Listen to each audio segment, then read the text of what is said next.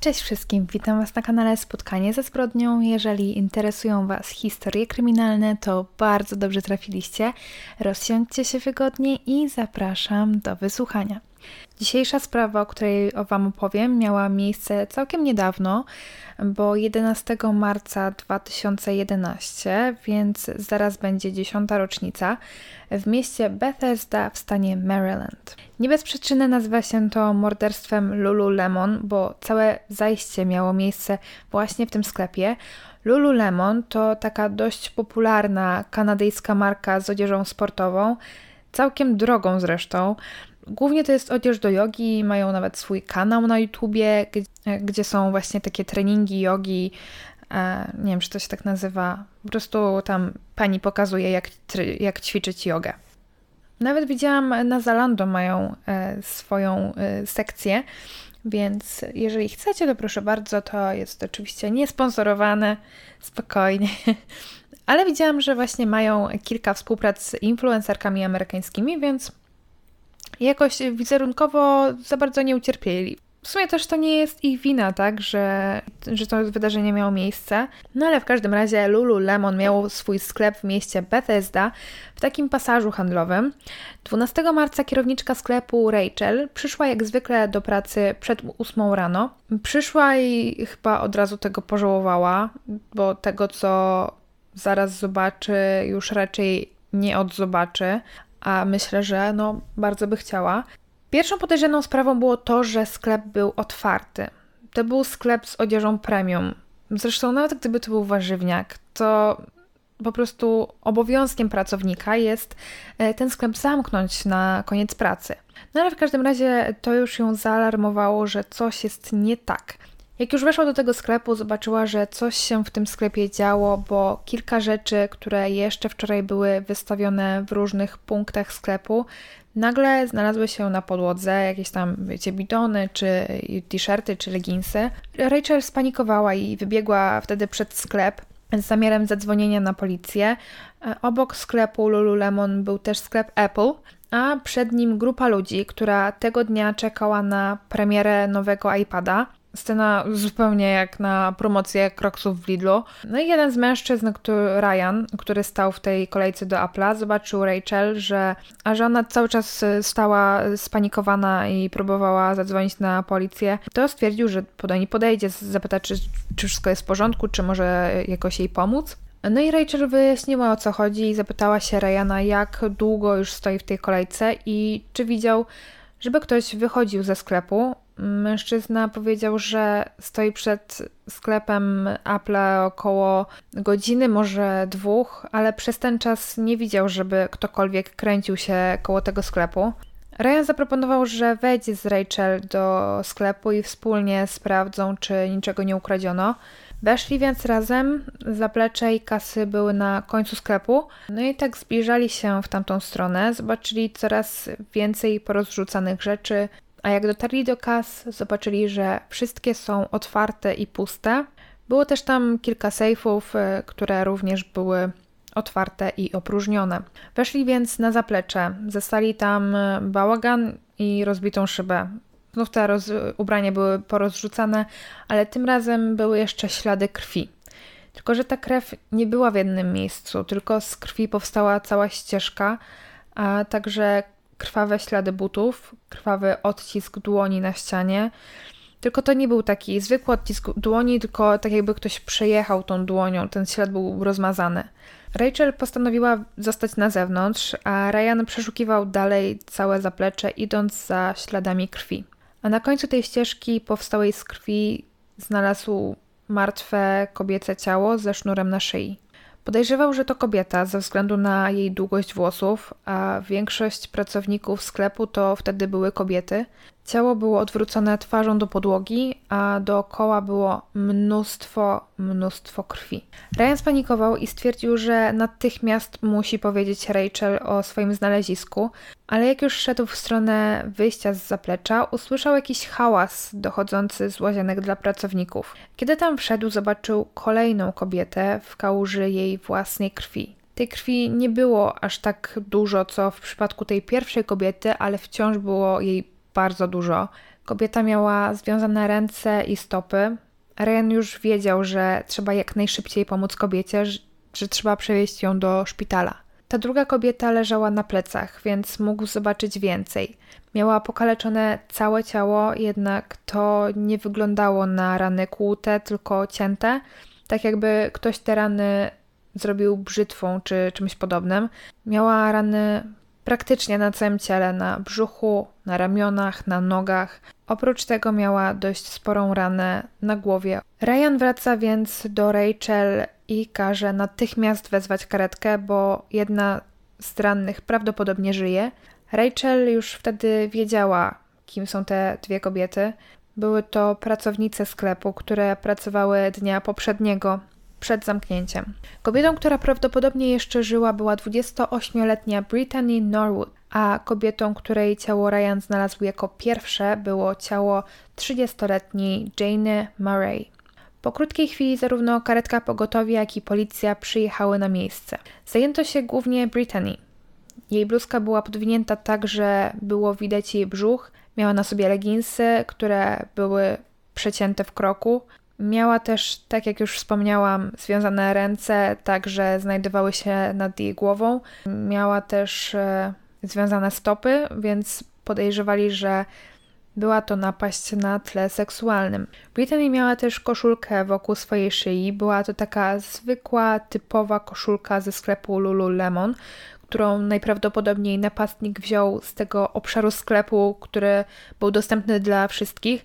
W sensie, no nie z zaplecza, tylko ze sklepu. Nie dusiła jej ta koszulka, no ale sam fakt, że tam była, był niepokojący. W łazience znaleziono również kamień pokryty krwią, a przez to, że Brittany miała pokaźnych rozmiarów ranę na głowie, podejrzewano, że to również było narzędzie zbrodni. W otoczeniu były mocno widoczne ślady walki, wszystko było porozwalane, jakieś wieszaki, ręczniki papierowe. Znaleźli tam nawet figurkę Buddy pokrytą krwią. W międzyczasie część ratowników medycznych i policji poszła do tego pomieszczenia, w którym znajdowała się Jaina i niestety przypuszczenia o jej śmierci się potwierdziły. W tym pokoju policja znalazła otwarty zestaw narzędzi, która była w wyposażeniu sklepu. W środku było tylko kilka narzędzi. Reszta była porozrzucana po pomieszczeniu. Oczywiście większość tych narzędzi była zakrwawiona, to były takie narzędzia jak klucz francuski, młotek czy dwa noże, co też budziło przypuszczenia, że to również były narzędzia zbrodni. Jak już wspomniałam, pokój, w którym było ciało Jane, było w dużej części pokryte krwią, taką cienką warstwą krwi, a sama Jane leżała w gęstej, dużej kałuży własnej krwi. Śledczy zidentyfikowali krwawe odciski stóp, które z całą pewnością należały do dwóch osób, Jedne ślady należały raczej do kobiety, bo to był mały rozmiar, około 36 albo 37. Drugi z kolei był zdecydowanie większy, raczej należący do mężczyzny, bo był to rozmiar około 46. Podejrzewano, że te małe ślady należą do jednej z kobiet, no ale ten duży ślad ich zastanowił. Ślady zaprowadziły ich do zlewu w kuchni dla pracowników i tam ślad się urwał, więc mieli teorię, że może napastnik przepłukał te buty w zlewie, czy tam je zdjął i wyszedł na bosaka, czy coś w tym stylu. Na tyłach znajdowały się również drzwi przeciwpożarowe. Cały korytarz prowadzący do tych drzwi był zakrwawiony, łącznie z klamką do drzwi ewakuacyjnych, ale jak już otworzyli te drzwi, to nie było tam ani śladu krwi, ani kropelki, więc zaczęto podejrzewać, że może któraś z kobiet chciała uciec tymi drzwiami, ale napastnik złapał tę kobietę, zanim zdołała chociażby otworzyć drzwi. Te drzwi miały jednak system alarmowy, a wyłączyć ten alarm można było tylko za pomocą klucza i ten klucz był w drzwiach. Oczywiście ten klucz nie mógł być tam cały czas, bo gdyby był, to bez problemu można by było się włamać, a że ten klucz tam był, to zaczęto podejrzewać, że kobiety może faktycznie chciały się stamtąd wydostać. Natomiast inna teoria mówiła, że to może napastnik kazał którejś z kobiet otworzyć te drzwi, żeby sam napastnik mógł uciec tamtą drogą, ale być może Jak otworzył drzwi, to zobaczył tam kogoś i się przestraszył, że zostanie złapany i wrócił się do środka. Dlatego też na zewnątrz nie było żadnych śladów. Ciało Jane zostało zabrane do wykonania autopsji. Okazało się, że na jej ciele było co najmniej 331 ran.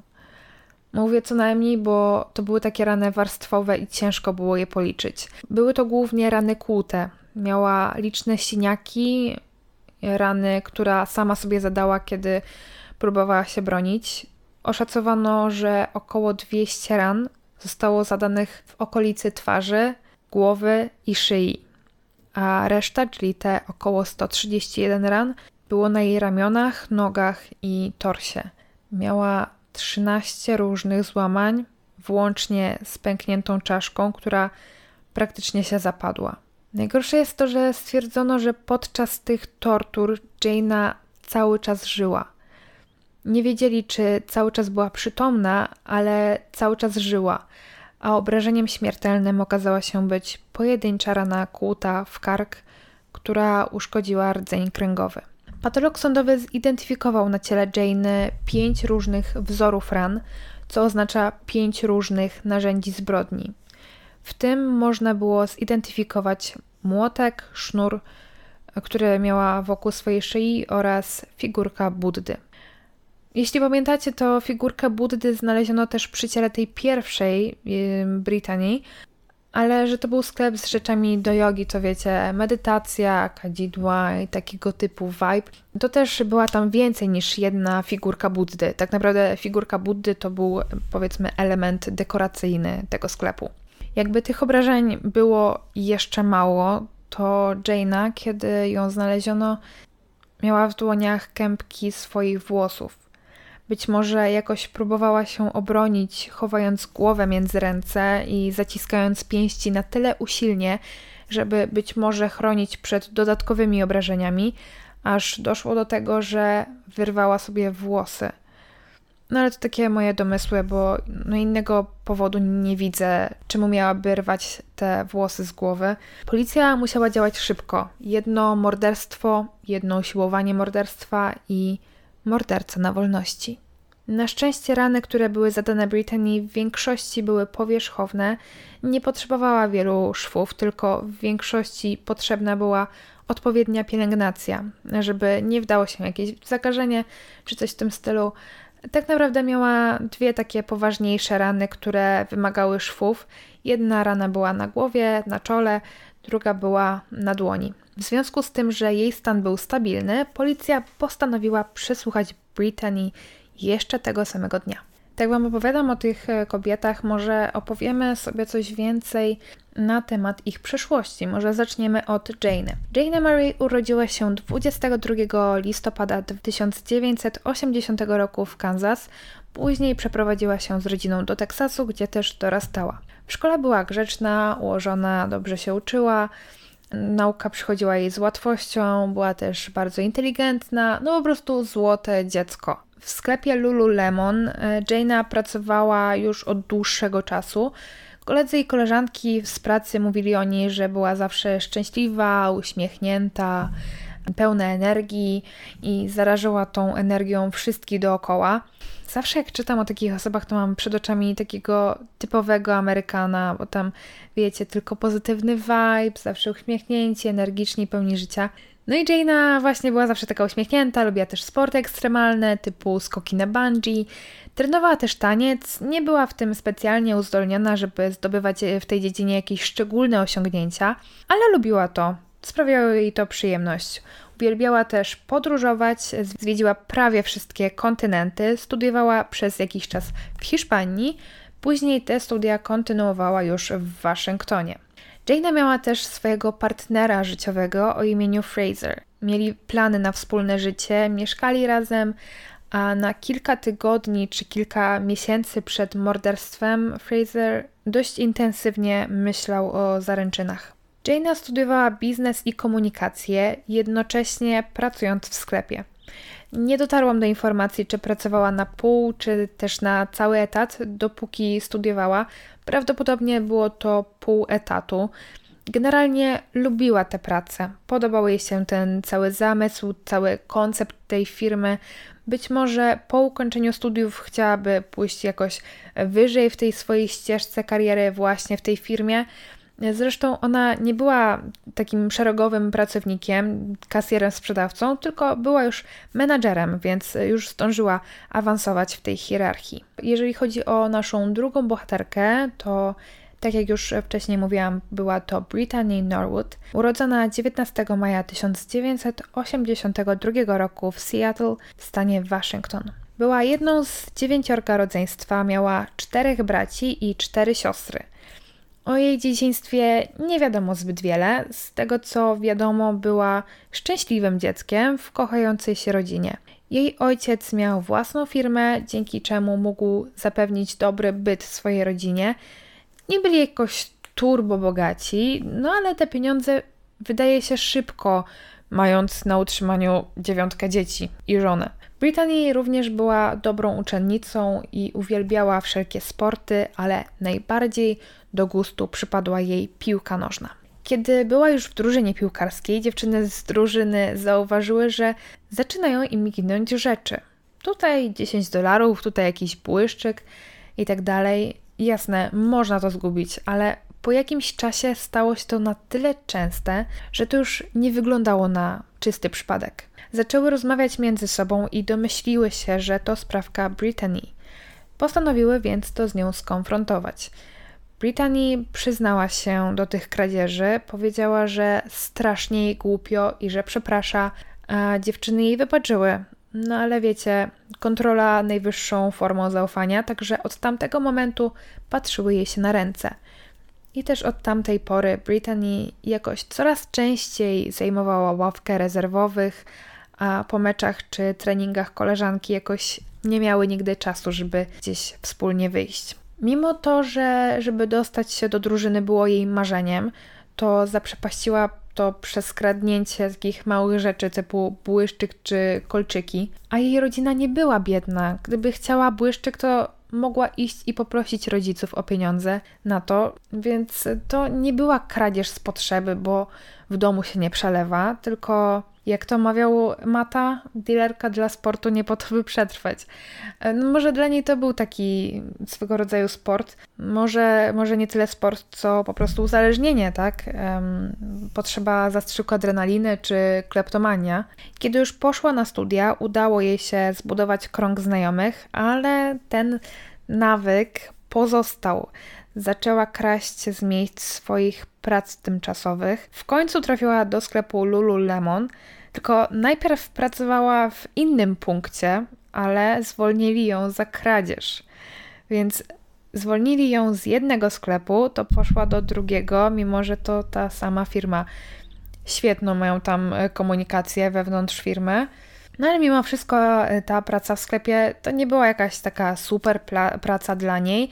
Jej wymarzonym stanowiskiem był trener personalny i tak się złożyło, że została zaproszona na rozmowę o pracę na siłowni, a tę rozmowę miała mieć kilka dni po tym wypadku. Podczas przesłuchania Brittany mówi, że wszystko tamtego wieczora przebiegało spokojnie. Ona i Jaina posprzątały cały sklep, zamknęły i obydwie ruszyły w stronę swoich domów. Jaina jechała do domu autem, a Brittany metrem. Jednak w drodze do domu Brittany zorientowała się, że w miejscu pracy zostawiła swoją kartę do metra, więc musiała się po nią wrócić. Niestety to nie było takie proste, bo to Jaina miała klucze do sklepu, a Brittany nie. Jaina była już w połowie drogi do domu, a Brittany nie mogłaby w, do tego domu wrócić, jeżeli nie miała tej karty ze sobą. Brittany też nie miała numeru do Jane, bo pracowała w tym sklepie dość krótko, więc jakoś tam kombinowała, dzwoniła po współpracownikach, żeby podali jej numer Jane i w końcu się udało.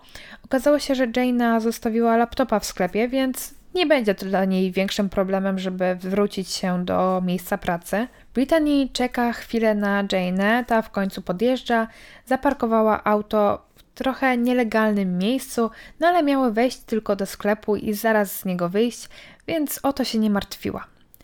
Weszły do sklepu, zostawiając drzwi otwarte, w sensie zamknęły drzwi za sobą, ale nie zamknęły ich na klucz. Nawet nie zapalały światła, bo miały tylko wejść i za sekundę wyjść. Jednak Brittany szuka i nie może znaleźć tej swojej karty. Po kilku chwilach Jaina mówi do Brittany, że jeśli chce, to może użyć jej karty, bo jej i tak jest niepotrzebna, bo ma auto, a następnego dnia na spokojnie sobie tej karty poszuka. Brittany z chęcią przyjęła te propozycje i obie już miały wyjść ze sklepu. I kiedy już szły w stronę drzwi wyjściowych, zobaczyły, że drzwi są otwarte na oścież, a na pewno ich tak nie zostawiały wchodząc do sklepu. Do sklepu zakradło się dwóch mężczyzn, którzy schowali się za wieszakami pełnymi ubrań. Byli ubrani cali na czarno w narciarskich maskach. Brittany mówiła, że szła za Jane'ą, więc to ona została napadnięta jako pierwsza. Jak mówiłam, było ich dwóch, niższy i wyższy. Wyższy miał około 1,82 m wzrostu i to on napadł na Jane'ę, z kolei drugi miał około 1,65 m wzrostu i to on zaatakował Brittany. Ten wyższy uderzył Jane w głowę i przewrócił ją na podłogę, następnie podniósł, ciągnąc ją za włosy. Brittany od tamtej pory nie wie, co dzieje się z Jane'ą. Ten mniejszy mężczyzna również ją chwycił i ciągnął za włosy i kazał jej otworzyć kasy, wyjąć pieniądze i włożyć do plecaka, który ten mężczyzna miał ze sobą. Później mężczyzna zaciągnął ją na zaplecze, ale Brittany również nie widziała tam Jane. Następnie związał jej stopy i ręce i zaczął ją bić. Nie na tyle, żeby móc ją zabić, używał też różnych narzędzi, ale było to na tyle delikatne, że na szczęście te rany były tylko powierzchowne. Mówiła, że przez cały czas wykrzykiwał rasistowskie zwroty. Brittany twierdziła, że po głosie mogła stwierdzić, że obaj mężczyźni byli biali. Napastnik, który torturował Brittany, powiedział jej pełen adres zamieszkania, żeby miała świadomość, że on wie, gdzie Brittany mieszka. Groził, że poderżnie jej gardło. Następnie rozciął jej leginsy i wykorzystał seksualnie, a kiedy skończył, wstał i po prostu ją tam zostawił. Kilka minut później wrócił do niej z wieszakiem i po raz kolejny ją wykorzystał z użyciem tego wieszaka. Przez ten cały czas Brittany słyszała Jane w drugim pokoju, więc mogła się domyślać, że ją również torturowano. Po kilku chwilach te krzyki stawały się coraz rzadsze, coraz bardziej ciche, aż w końcu ustały. Potem jeden z napastników wziął Brittany i zaniósł ją do pokoju, w którym była Jaina, po czym rzucił ją na martwe już ciało Jane'y. Powiedzieli Brittany, że darują jej życie tylko dlatego, że była kimś więcej, cokolwiek by to nie znaczyło. Później jeden z mężczyzn podniósł ją i wrzucił do łazienki pracowniczej, gdzie ostatecznie została odnaleziona przez Ryana, po czym napastnicy wyszli ze sklepu. Podczas przesłuchiwania Brittany cały czas była rozemocjonowana, praktycznie cały czas płakała i co chwila powtarzała, że tam było tak dużo krwi. Bardzo się też obwiniała, że to wszystko przez nią i przez to, że zapomniała tej karty do metra, że gdyby o tym pamiętała, to, to, to tej sytuacji w ogóle by nie było.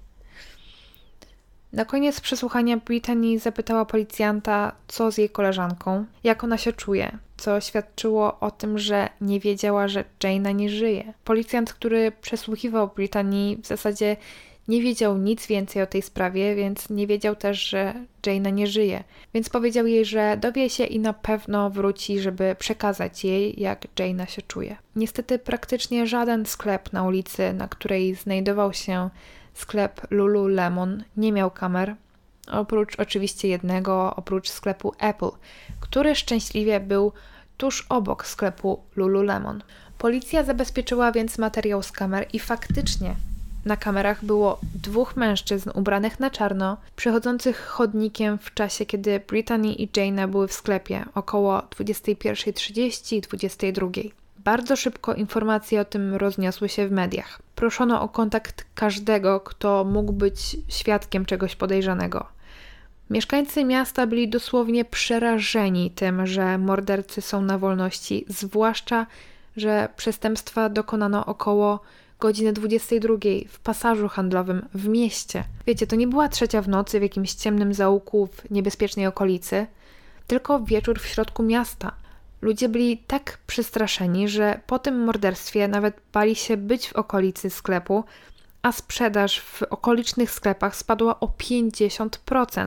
Za to podniósł się poziom sprzedaży rzeczy do samoobrony, takich jak na przykład gaz pieprzowy.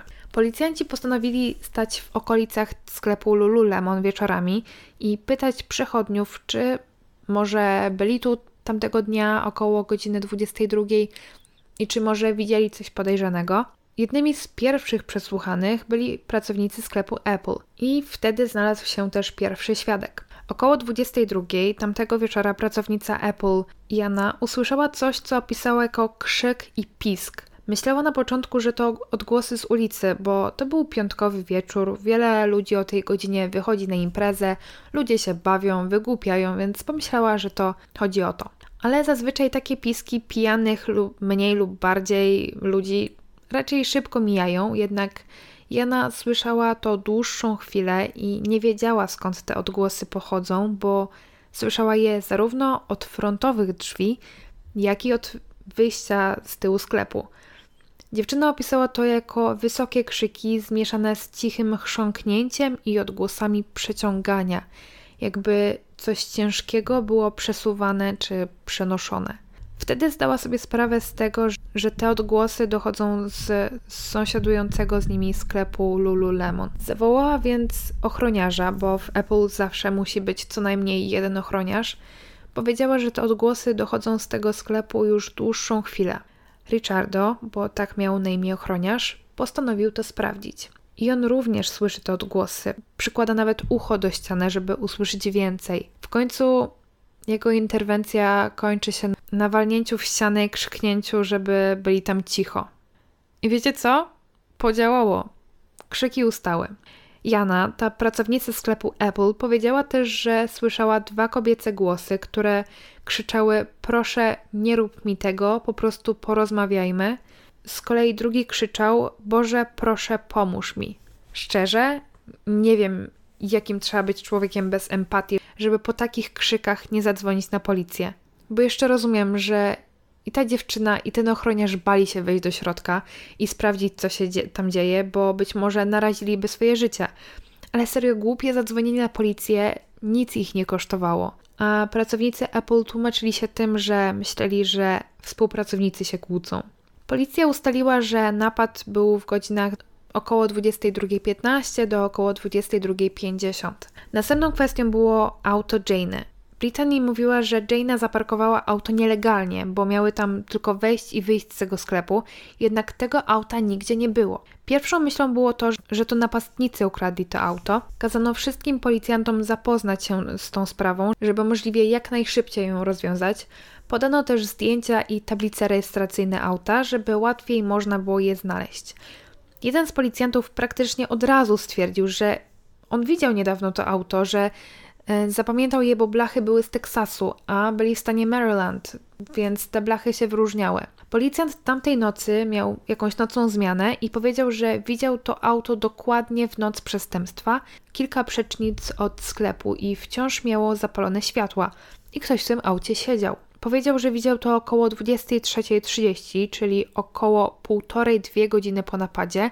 Dwie godziny później, czyli około drugiej w nocy, znów widział ten samochód w tym samym miejscu, ale tym razem światła były wyłączone i nikogo w środku nie było. Policjant na szczęście pamiętał, gdzie to auto stało, więc od razu postanowiono tam pojechać.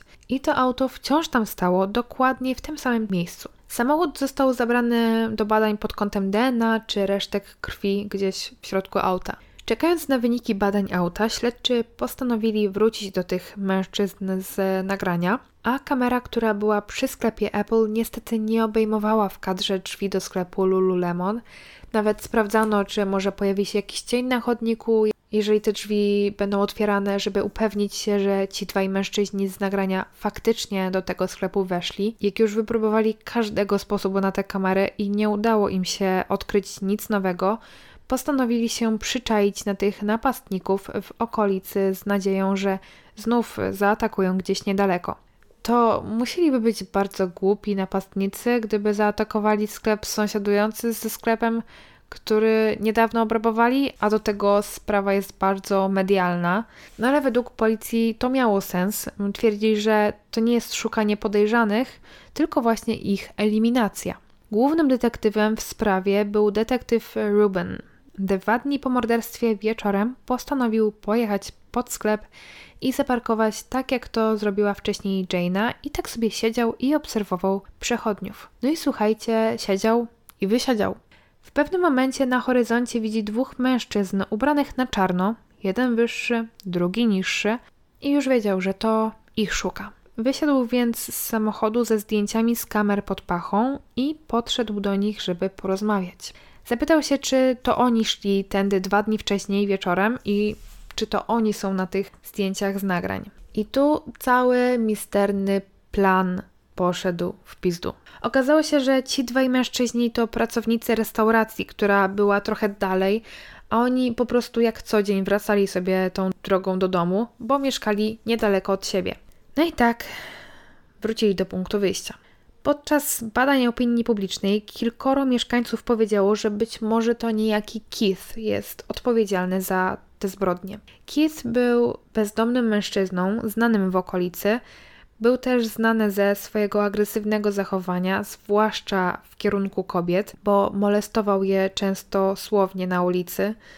Często prowokował ludzi do bójki, często chodził pijany, dużo czasu spędzał w pubie niedaleko sklepu Lululemon, a akurat w noc morderstwa w tym pubie go nie było. Rzeczą, którą mogli połączyć z tym mężczyzną, były jego zakrwawione buty w rozmiarze 46, ale żadnych innych dowodów na niego nie mieli. Detektyw Ruben w trakcie robienia zakupów w swoim czasie wolnym rozmawiał ze sprzedawcą, aż w końcu rozmowa zeszła na Keitha. Sprzedawca powiedział, że widział go ubranego całego na czarno, z plecakiem na plecach, a towarzyszył mu biały mężczyzna, również ubrany na czarno. Keith ogólnie trzymał się z dala od ludzi, nie zaprzyjaźniał się z nikim, zwłaszcza z innymi bezdomnymi, więc to było dość podejrzane, że nagle znalazł sobie kolegę. Chcieli go przesłuchać, jednak znalezienie bezdomnego no nie, nie należy do najłatwiejszych rzeczy, bo może być dosłownie wszędzie. Szczęście w nieszczęściu, Keith trafił do szpitala, bo pobił innego bezdomnego i sam też przy tym trochę się poobijał. Policja nie miała podstaw, żeby go aresztować za morderstwo, ale że Keith sam się nadział, to aresztowali go za pobicie i wzięli na przesłuchanie. Pierwsze, o co zapytali podczas przesłuchania, to jak to się stało, że jest cały we krwi i wylądował w szpitalu. No i on zgodnie z prawdą odpowiedział, że pobił się z tym innym bezdomnym. No jak ten Keith y, zaczął gadać, to ci policjanci już wiedzieli, że on nie byłby zdolny do popełnienia takiego przestępstwa, jakim jest morderstwo, bo osoba lub osoby, które to zrobiły, musiały mieć wszystko dokładnie zorganizowane i zaplanowane, a Keith, no cóż, nie wyglądał na tak bystrą osobę. Tak czy tak, nie tracąc nadziei, zabrali jego zakrwawione ubrania z nadzieją znalezienia krwi należącej do Jane lub też Brittany, ale też tej krwi nie było dużo, bo wiecie, na miejscu zbrodni był po prostu basen krwi, a na jego ubraniach było tej krwi jak od zacięcia się przy goleniu. No, może ciut więcej. E, poza tym krew z jego ubrań wydawała się świeższa. Krew z miejsca zbrodni na pewno by już na tych ubraniach zaschła. Ale tak czy tak, policja wysłała te ubrania do analizy i czekali na wyniki. W międzyczasie śledczy jeszcze raz przejrzeli wszystkie dowody w sprawie i wtedy zdali sobie sprawę, że coś tu nie gra, że ten cały scenariusz Brytanii się nie klei. Pierwszą podejrzaną rzeczą było to, że napastnicy nie przyszli z bronią, tylko użyli do napadu rzeczy znajdujących się w sklepie. Jaki napastnik przychodzi z gołymi rękoma, żeby przeprowadzić napad? Użyto narzędzi, które znajdowały się na zapleczu, figurę Buddy, nawet trytytki, którymi związali kobiety z tego sklepu. Moim zdaniem pierwszą nieścisłością, która od razu rzuca się w oczy, jest to, że przecież oprawcy nie mogli wiedzieć o tym, że sklep będzie o tej porze otwarty. To jest już taki zbyt nieprawdopodobny zbieg okoliczności, w który policjanci nie wierzyli. A skoro ci mężczyźni myśleli, że sklep będzie zamknięty, to powinni mieć ze sobą jakiś łom do wyważenia drzwi, czy no cokolwiek. A oni przyszli sobie jak na spacer po lesie. Poza tym, skąd ci napastnicy mieli dokładnie wiedzieć, gdzie jest broń, którą miał, mają skrzywdzić Jane i Brittany, gdzie są trytytki i tak dalej. No bo przecież nie leżało to na środku zaplecza, żeby jaśnie panowie mogli sobie przyjść i wybrać, czym zaatakują kobiety.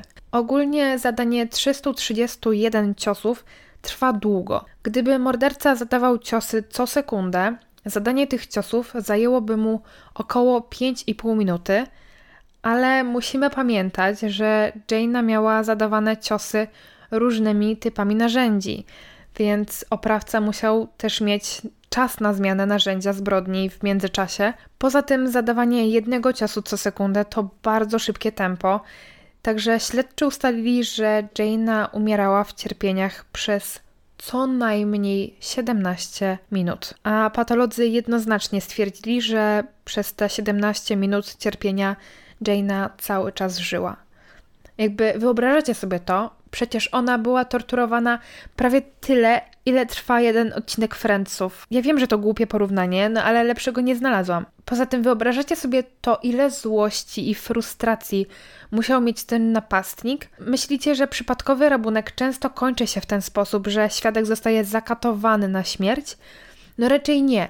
Raczej gdyby to był tylko złodziej, w sumie złodzieje, to uciekliby zaraz po tym, jak dostali pieniądze, ewentualnie ogłuszyliby świadków znowu, gdyby mieli czym. Policja zaczęła podejrzewać, że to nie był przypadkowy napad, tylko jakieś osobiste porachunki. Co do krwawych śladów butów, to jakby się nad tym zastanowić, to też się coś nie zgadza. Była ich teoretycznie czwórka, więc analogicznie powinny być cztery ślady różnych butów Chyba, że założymy, że Jaina nie była w stanie chodzić, więc tych śladów powinny być trzy pary. Dodatkowo, bo chyba tego nie wspomniałam, na miejscu zbrodni znaleziono też te buty, które miały należeć do napastnika z większą stopą. I wiecie, co się okazało? Że te buty też były własnością sklepu Lululemon. W sklepie były dwie pary butów, takich dodatkowych. Jedna para męska, druga damska, na wypadek na wypadek jak ktoś przyjdzie na przykład w garniturze i pantoflach, żeby przymierzyć leginsy sportowe, to żeby taka osoba mogła sobie przymierzyć też te buty, żeby zobaczyć jak to razem wygląda. Jakby no dla mnie to nie ma sensu, bo po prostu można zdjąć buty i zobaczyć jak się wygląda w leginsach nie mając butów na sobie, no ale może po prostu jestem zbyt biedna, żeby to zrozumieć. No nieważne, w każdym razie teraz to policji w ogóle się to nie składało, w ogóle się to nie sklejało, no bo po co napastnik miałby zmieniać buty po wejściu do tego sklepu? No jednym sensownym wytłumaczeniem byłoby to, że oprawca nie chciał pobrudzić swoich butów, bo to ułatwiłoby późniejszą identyfikację tej osoby jako mordercę, gdyby znaleziono zakrwawione buty u podejrzanego. Zresztą tak było też z Keithem. Ale znowu, napastnicy musieli wiedzieć, że w sklepie są te buty i musieli wiedzieć, gdzie ich szukać. Kolejną podejrzaną sprawą są różnice w obrażeniach Jane i Brittany. Jane miała na swoim ciele 331 ran zadanych z różnych broni. Jej ciało po odnalezieniu było nie do poznania, a Brittany wyszła z tego praktycznie bez szwanku. Miała zaledwie kilka niewielkich ran i wyszła ze szpitala tego samego dnia. Trochę to nielogiczne, że ich stan tak się różnił.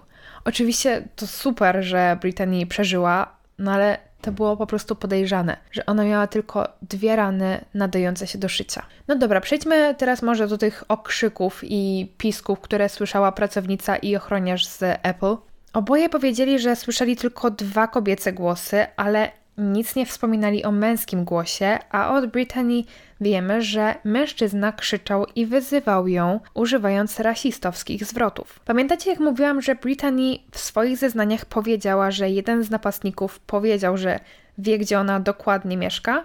Brzmi creepy, brzmi jakby to wszystko było zaplanowane i to była też napaść w akcie jakiejś może zemsty czy coś w tym stylu, ale miałoby to sens, gdyby do napadu doszło jeszcze przed zamknięciem, a nie już po. Skąd napastnicy mieliby wiedzieć, że Brittany zapomni swojej karty do metra i się po nią wróci? Od tej chwili śledczy zaczęli podejrzewać, że Brittany była zamieszana w napad i morderstwo. Podejrzewali, że była z nimi w zmowie, że powiedziała im, że zwabi Jane do sklepu i pokazała im, gdzie jest broń i buty. Śledczy chcieli dowiedzieć się czegoś więcej na temat Brittany.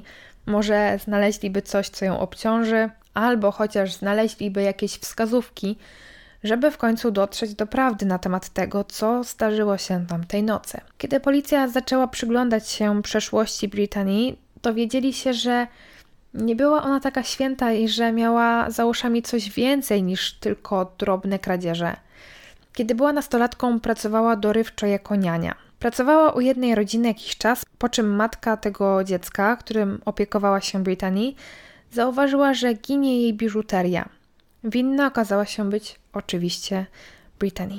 Dziewczyna kradła nie tylko jakieś mało wartościowe błyszczyki do ust, nie tylko okradała swoich pracodawców, ale także swoich współlokatorów. To ona zawsze zbierała czynsz od lokatorów i sama płaciła pełną kwotę właścicielowi i pewnego razu oznajmiła współlokatorom, że czynsz wzrósł o kilkaset dolarów. Współlokatorzy jakoś to przyjęli i płacili więcej, tylko że ten czynsz wcale nie wzrósł, tylko Brittany po prostu wyłudzała w ten sposób pieniądze od lokatorów. Jeden fryzjer, który kiedyś przedłużał włosy Brittany, zeznał, że jego również oszukała.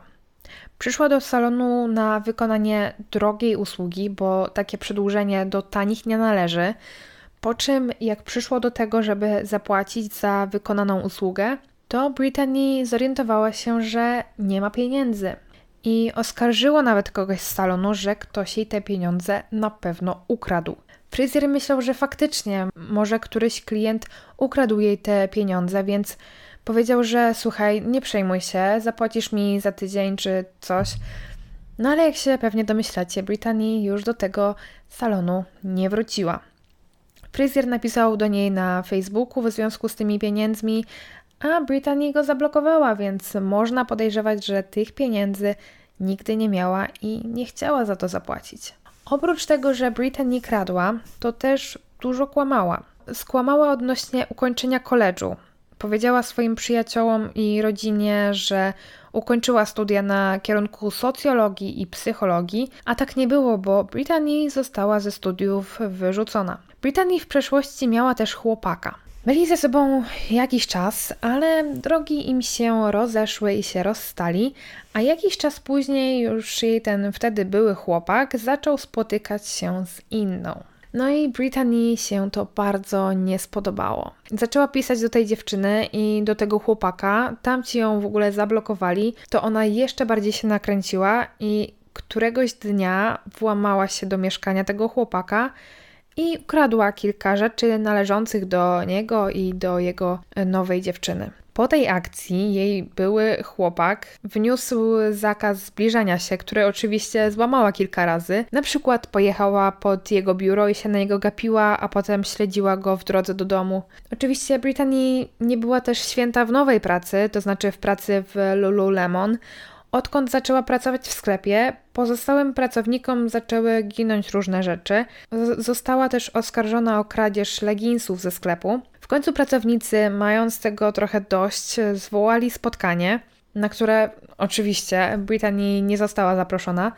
Ustalili, że jak jeszcze raz Brytanii zostanie przyłapana na kradzieży, to zostanie zwolniona.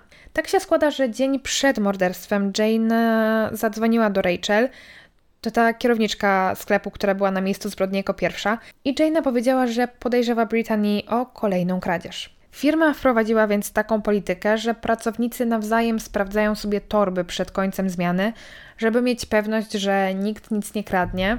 Generalnie nie byli zwolennikami takich kontroli, no ale że zaczęły się dziać takie rzeczy, to musieli coś z tym zrobić. No i dzień przed morderstwem Jaina podejrzewała Brittany o kradzież leginsów do jogi. Więc jak już e, kończyły pracę, to Jaina tak jakby od niechcenia zapytała, czy może przeprowadzić tę rutynową kontrolę torby, na co Brittany powiedziała, że nie, że spoko, już ktoś to zrobił. E, podała też imię tego pracownika, który rzekomo sprawdził wtedy torbę Brittany. Jaina oczywiście była bardzo nieufna, więc poszła zapytać tego pracownika, czy rzeczywiście tak było. Na co on oczywiście powiedział, że nie, że taka sytuacja nie miała miejsca. Więc możecie się domyślać, że obie były na siebie cięte. Jaina, bo miała duże podejrzenia o kradzieży, a Brittany, że ta niedobra Jaina nie pozwala jej kraść. Wracając do tego, co śledczy znaleźli w aucie Jane, to było mnóstwo krwi należącej właśnie do Jane i Brittany. Co nie było niczym szokującym, bo śledczy się tego spodziewali, bo podejrzewali, że napastnik jechał tym autem.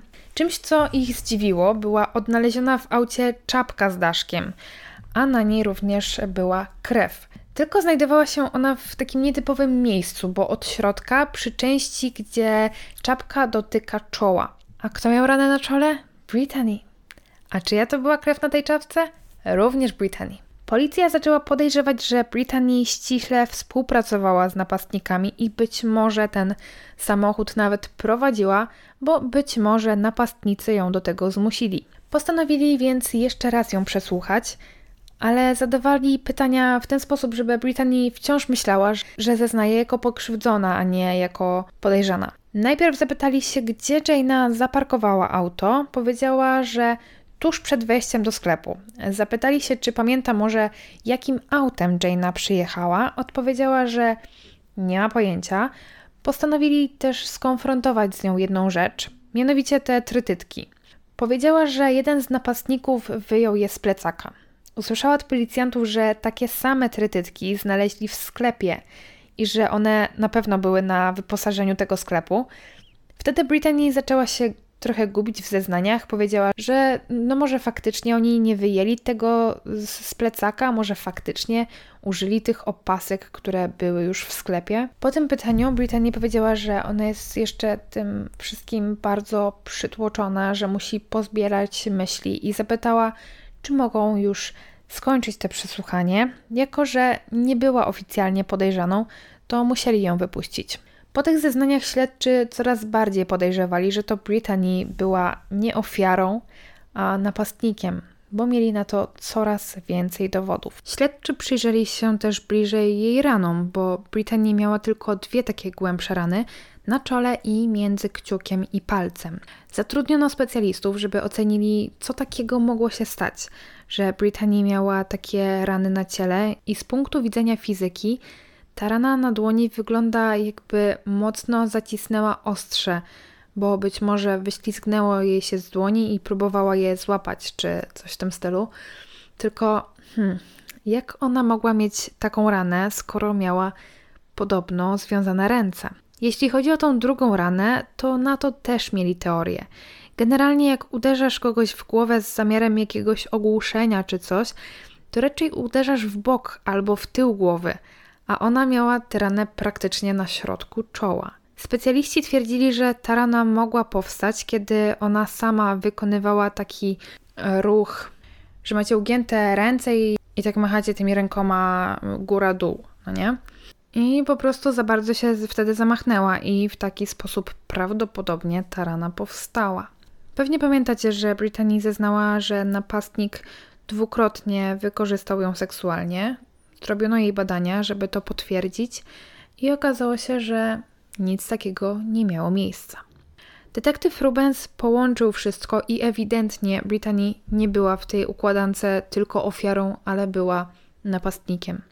Detektyw na zebraniu ze swoim zespołem, który pracował nad tą sprawą razem z nim, powiedział, że wierzy, że nikt oprócz Brittany Norwood i Jane Murray nie wszedł ani nie wyszedł tamtego wieczora ze sklepu Lululemon. Zespół detektywa Rubensa postanowił ponownie zatrudnić eksperta kryminalistycznego, który znał tę sprawę, tylko z innej perspektywy, z perspektywy zeznań Brytanii. Przedstawiono mu nowe dowody i inne spojrzenie na tę sprawę i zapytano się go, czy taka wersja wydarzeń, gdzie to Brittany jest napastnikiem, może być prawdziwa. Poprosił więc o to, żeby pokazali mu dowód w postaci trytytki, którą miała na sobie Brittany, bo jedyny sposób, żeby mocno zapiąć tę na nadgarstkach, to zrobić to z pomocą zębów. Więc gdyby faktycznie tak było, to na końcu opaski byłyby wgniecienia od tych zębów. No i okazało się, że owszem, te ślady tam były. Zespół Rubensa zgodnie stwierdził, że scenaria, jak i pozycja, w jakiej została znaleziona, była z dużą dozą pewności tylko nieudanym popisem aktorskim Brytanii. Tylko po to, żeby odsunęła ona od siebie podejrzenia, bo a propos tej scenerii, po dokładnej analizie śladów krwi, które były w łazience, śledczy stwierdzili, że ta krew wyglądała na taką rozmazaną, a nie na taką, która naturalnie znalazła się na łazienkowych kafelkach, przez to, że ktoś, w domyśle Brittany, się tam wykrwawiła, bo tej krwi w łazience było zdecydowanie za dużo, jak na rany, które ona miała. Kolejnym dowodem potwierdzającym winę Brittany było to, że dowiedziono, że te powierzchowne rany, które miała, były robione pod takim kątem, że można stwierdzić, że zrobiła je sobie sama. Brittany postanowiła przyjść na policję, bo stwierdziła, że coś sobie przypomniała w związku z tym autem Jane. No i słuchajcie, co powiedziała. Powiedziała, że napastnicy kazali jej znaleźć kluczyki do auta, następnie kazali jej wsiąść do auta, odjechać kilka przecznic dalej, a potem wrócić z powrotem do sklepu, a jeśli powie coś komuś, czy pojedzie na policję, to ją zabiją. Powiedziała też, że w drodze powrotnej widziała nawet policjanta, ale nic nie powiedziała. Jakby, no ja nie wiem, co osoba z jakimś PTSD czy czymkolwiek ona mogła mieć, miała w głowie, bo być może była w takim szoku, że faktycznie posłusznie wróciła do tych napastników, ale przecież to się kupy nie trzyma. Miała auto, mogła jechać gdziekolwiek. Mogła jechać na komisariat, mogła jechać na drugi koniec Stanów Zjednoczonych, ale pojechała dwie przecznice dalej i wróciła do sklepu. Gdzie jest sens? No na szczęście policjanci już w tamtym momencie nie wierzą w żadne słowo Brytanii, ale wciąż twardo mówili jej, że tak, tak, my ci wierzymy, super, że sobie to przypomniałaś. E, no i policjanci, którzy słuchali wtedy Brytanii, wyszli na, na chwilę z tego pokoju, żeby się skonsultować. No i patrzą się tak na siebie i w końcu jeden mówi, że no, on jej nie wierzy. Na co ten drugi, że no on też nie, więc postanowili skonfrontować z nią teraz całą historię. Wrócili i powiedzieli coś w stylu: Brytanii, musisz powiedzieć nam całą prawdę. A ona zaczyna płakać.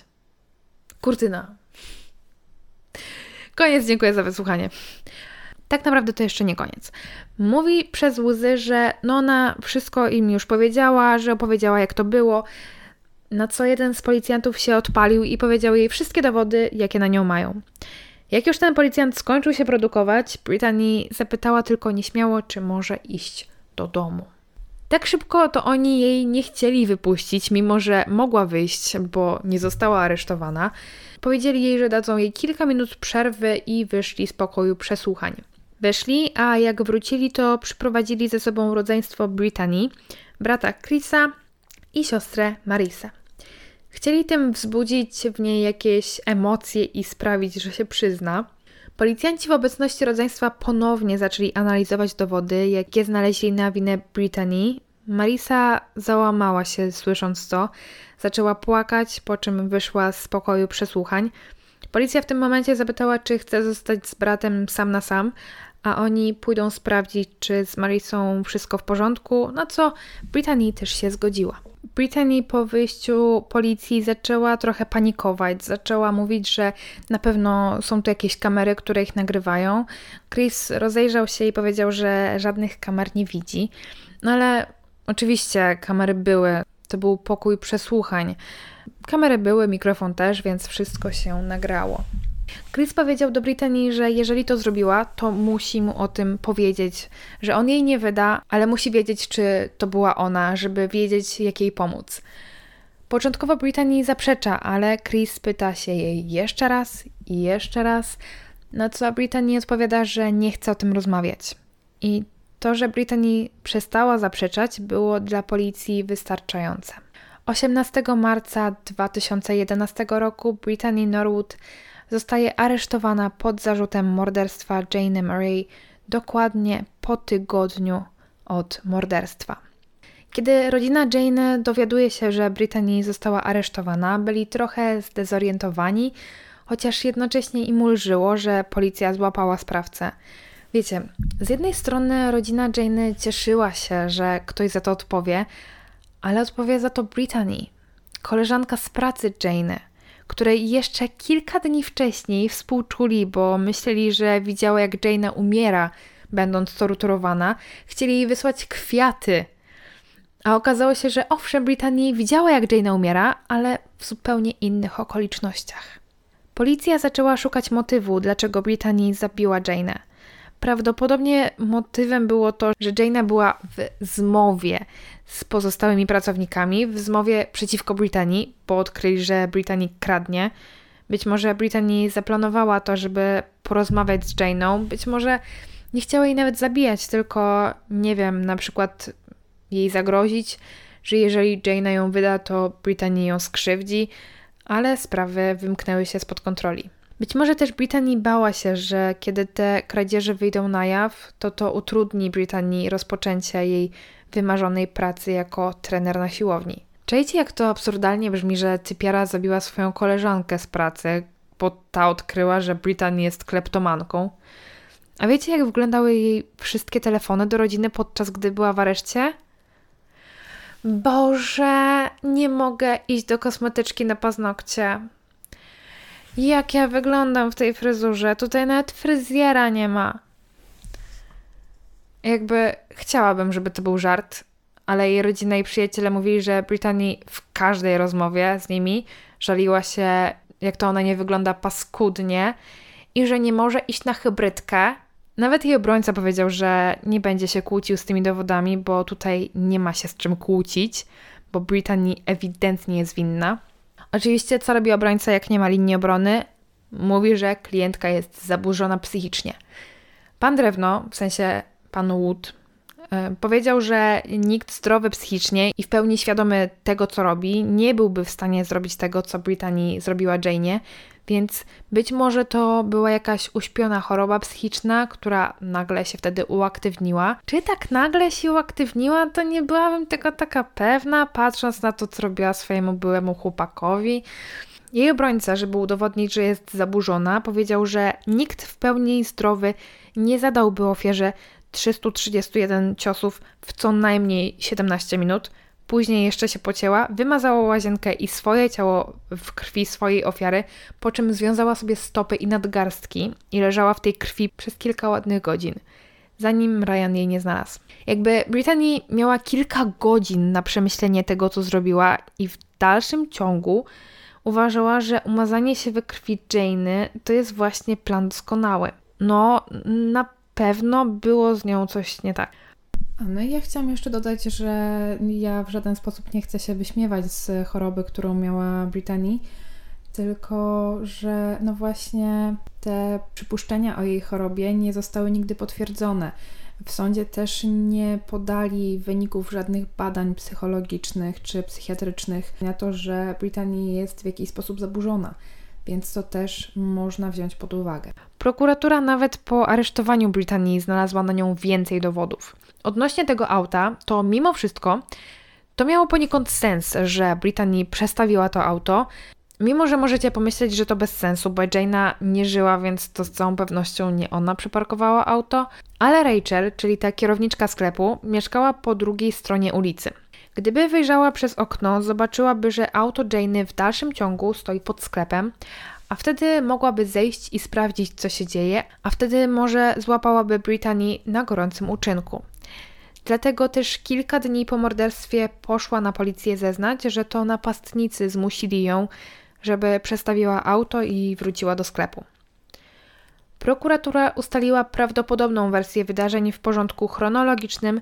Najpierw Brytanii zwabiła Jane z powrotem do sklepu, po czym doszło do kłótni, co doprowadziło do morderstwa. Po tym jak Brittany zauważyła auto Jane, postanowiła przeparkować go trzy przecznice dalej, po czym wraca do sklepu, gdzie bawi się w scenografa i wymazuje całą łazienkę krwią swojej ofiary i robi bałagan w sklepie i na zapleczu tak, żeby Wyglądało to na rabunek. Chodzi w tych za dużych butach, kaleczy swoje ciało, związuje stopy i nadgarstki i od tamtej pory czeka na wybawcę. A no i obrona miała jeszcze jeden taki argument na to, że to, to morderstwo nie było zaplanowane, ponieważ E, no jak już wiemy, Brittany nie miała numeru telefonu do Jane'y, w związku z czym musiała dzwonić po współpracownikach, żeby jej ten numer telefonu podali. Więc współpracownicy wiedzieli, że e, Brittany i Jane'a, że spotkają się tamtego wieczora. A gdyby Brittany mm, bardzo nie chciała, żeby to morderstwo wyszło na jaw tak szybko, bo po tygodniu, to na pewno nie angażowałaby w żaden sposób współpracowników, tylko jakoś wcześniej, gdyby to było zaplanowane, to wcześniej wzięłaby ten numer telefonu od Jane. Oczywiście wyrok nie mógł być inny niż to, że Brittany jest winna morderstwa Jane. Sąd skazał Brittany na dożywocie bez prawa do zwolnienia warunkowego. Na koniec Brittany zaczęła mówić, że jest jej bardzo przykro że żałuje i tak dalej, ale prawdopodobnie powiedziała to, bo chciała ugrać zwolnienie warunkowe, co na szczęście jej się nie udało. Sklep, w którym się to wydarzyło, wciąż istnieje. Lululemon dalej ma ten sklep w dokładnie tym samym miejscu. Jedyne co się zmieniło, to teraz na cześć Jane wstawili taki witraż z napisem Love. W sumie aż dziwne, że nie ucierpieli wizerunkowo w tym mieście na tyle, że nie zamknęli tego sklepu, ale to na szczęście nie firma spowodowała to morderstwo, tylko e, po prostu człowiek, także no, oni też nie byli, firma w żaden sposób nie była winna temu. Chciałabym też zwrócić uwagę na pracę policji, bo wow, po prostu jestem pod ogromnym wrażeniem, że w tydzień, dosłownie w tydzień od morderstwa, udało jej się złapać przestępcę i połączyć te wszystkie fakty. Więc tutaj moim zdaniem policja wykonała naprawdę kawał świetnej roboty. Jedyne, co mnie ciekawi, to to, co stało się z pieniędzmi, bo na ten temat nie udało mi się znaleźć informacji, co, co zrobiła z pieniędzmi. Także to jest jedna zastanawiająca sprawa. I to już wszystko, co dla Was dzisiaj przygotowałam. Dajcie znać, czy znaliście tę sprawę, a tymczasem dziękuję Wam bardzo za wysłuchanie. Zapraszam też do wysłuchania moich poprzednich odcinków, a teraz życzę Wam miłego dnia, tudzież wieczoru i do usłyszenia.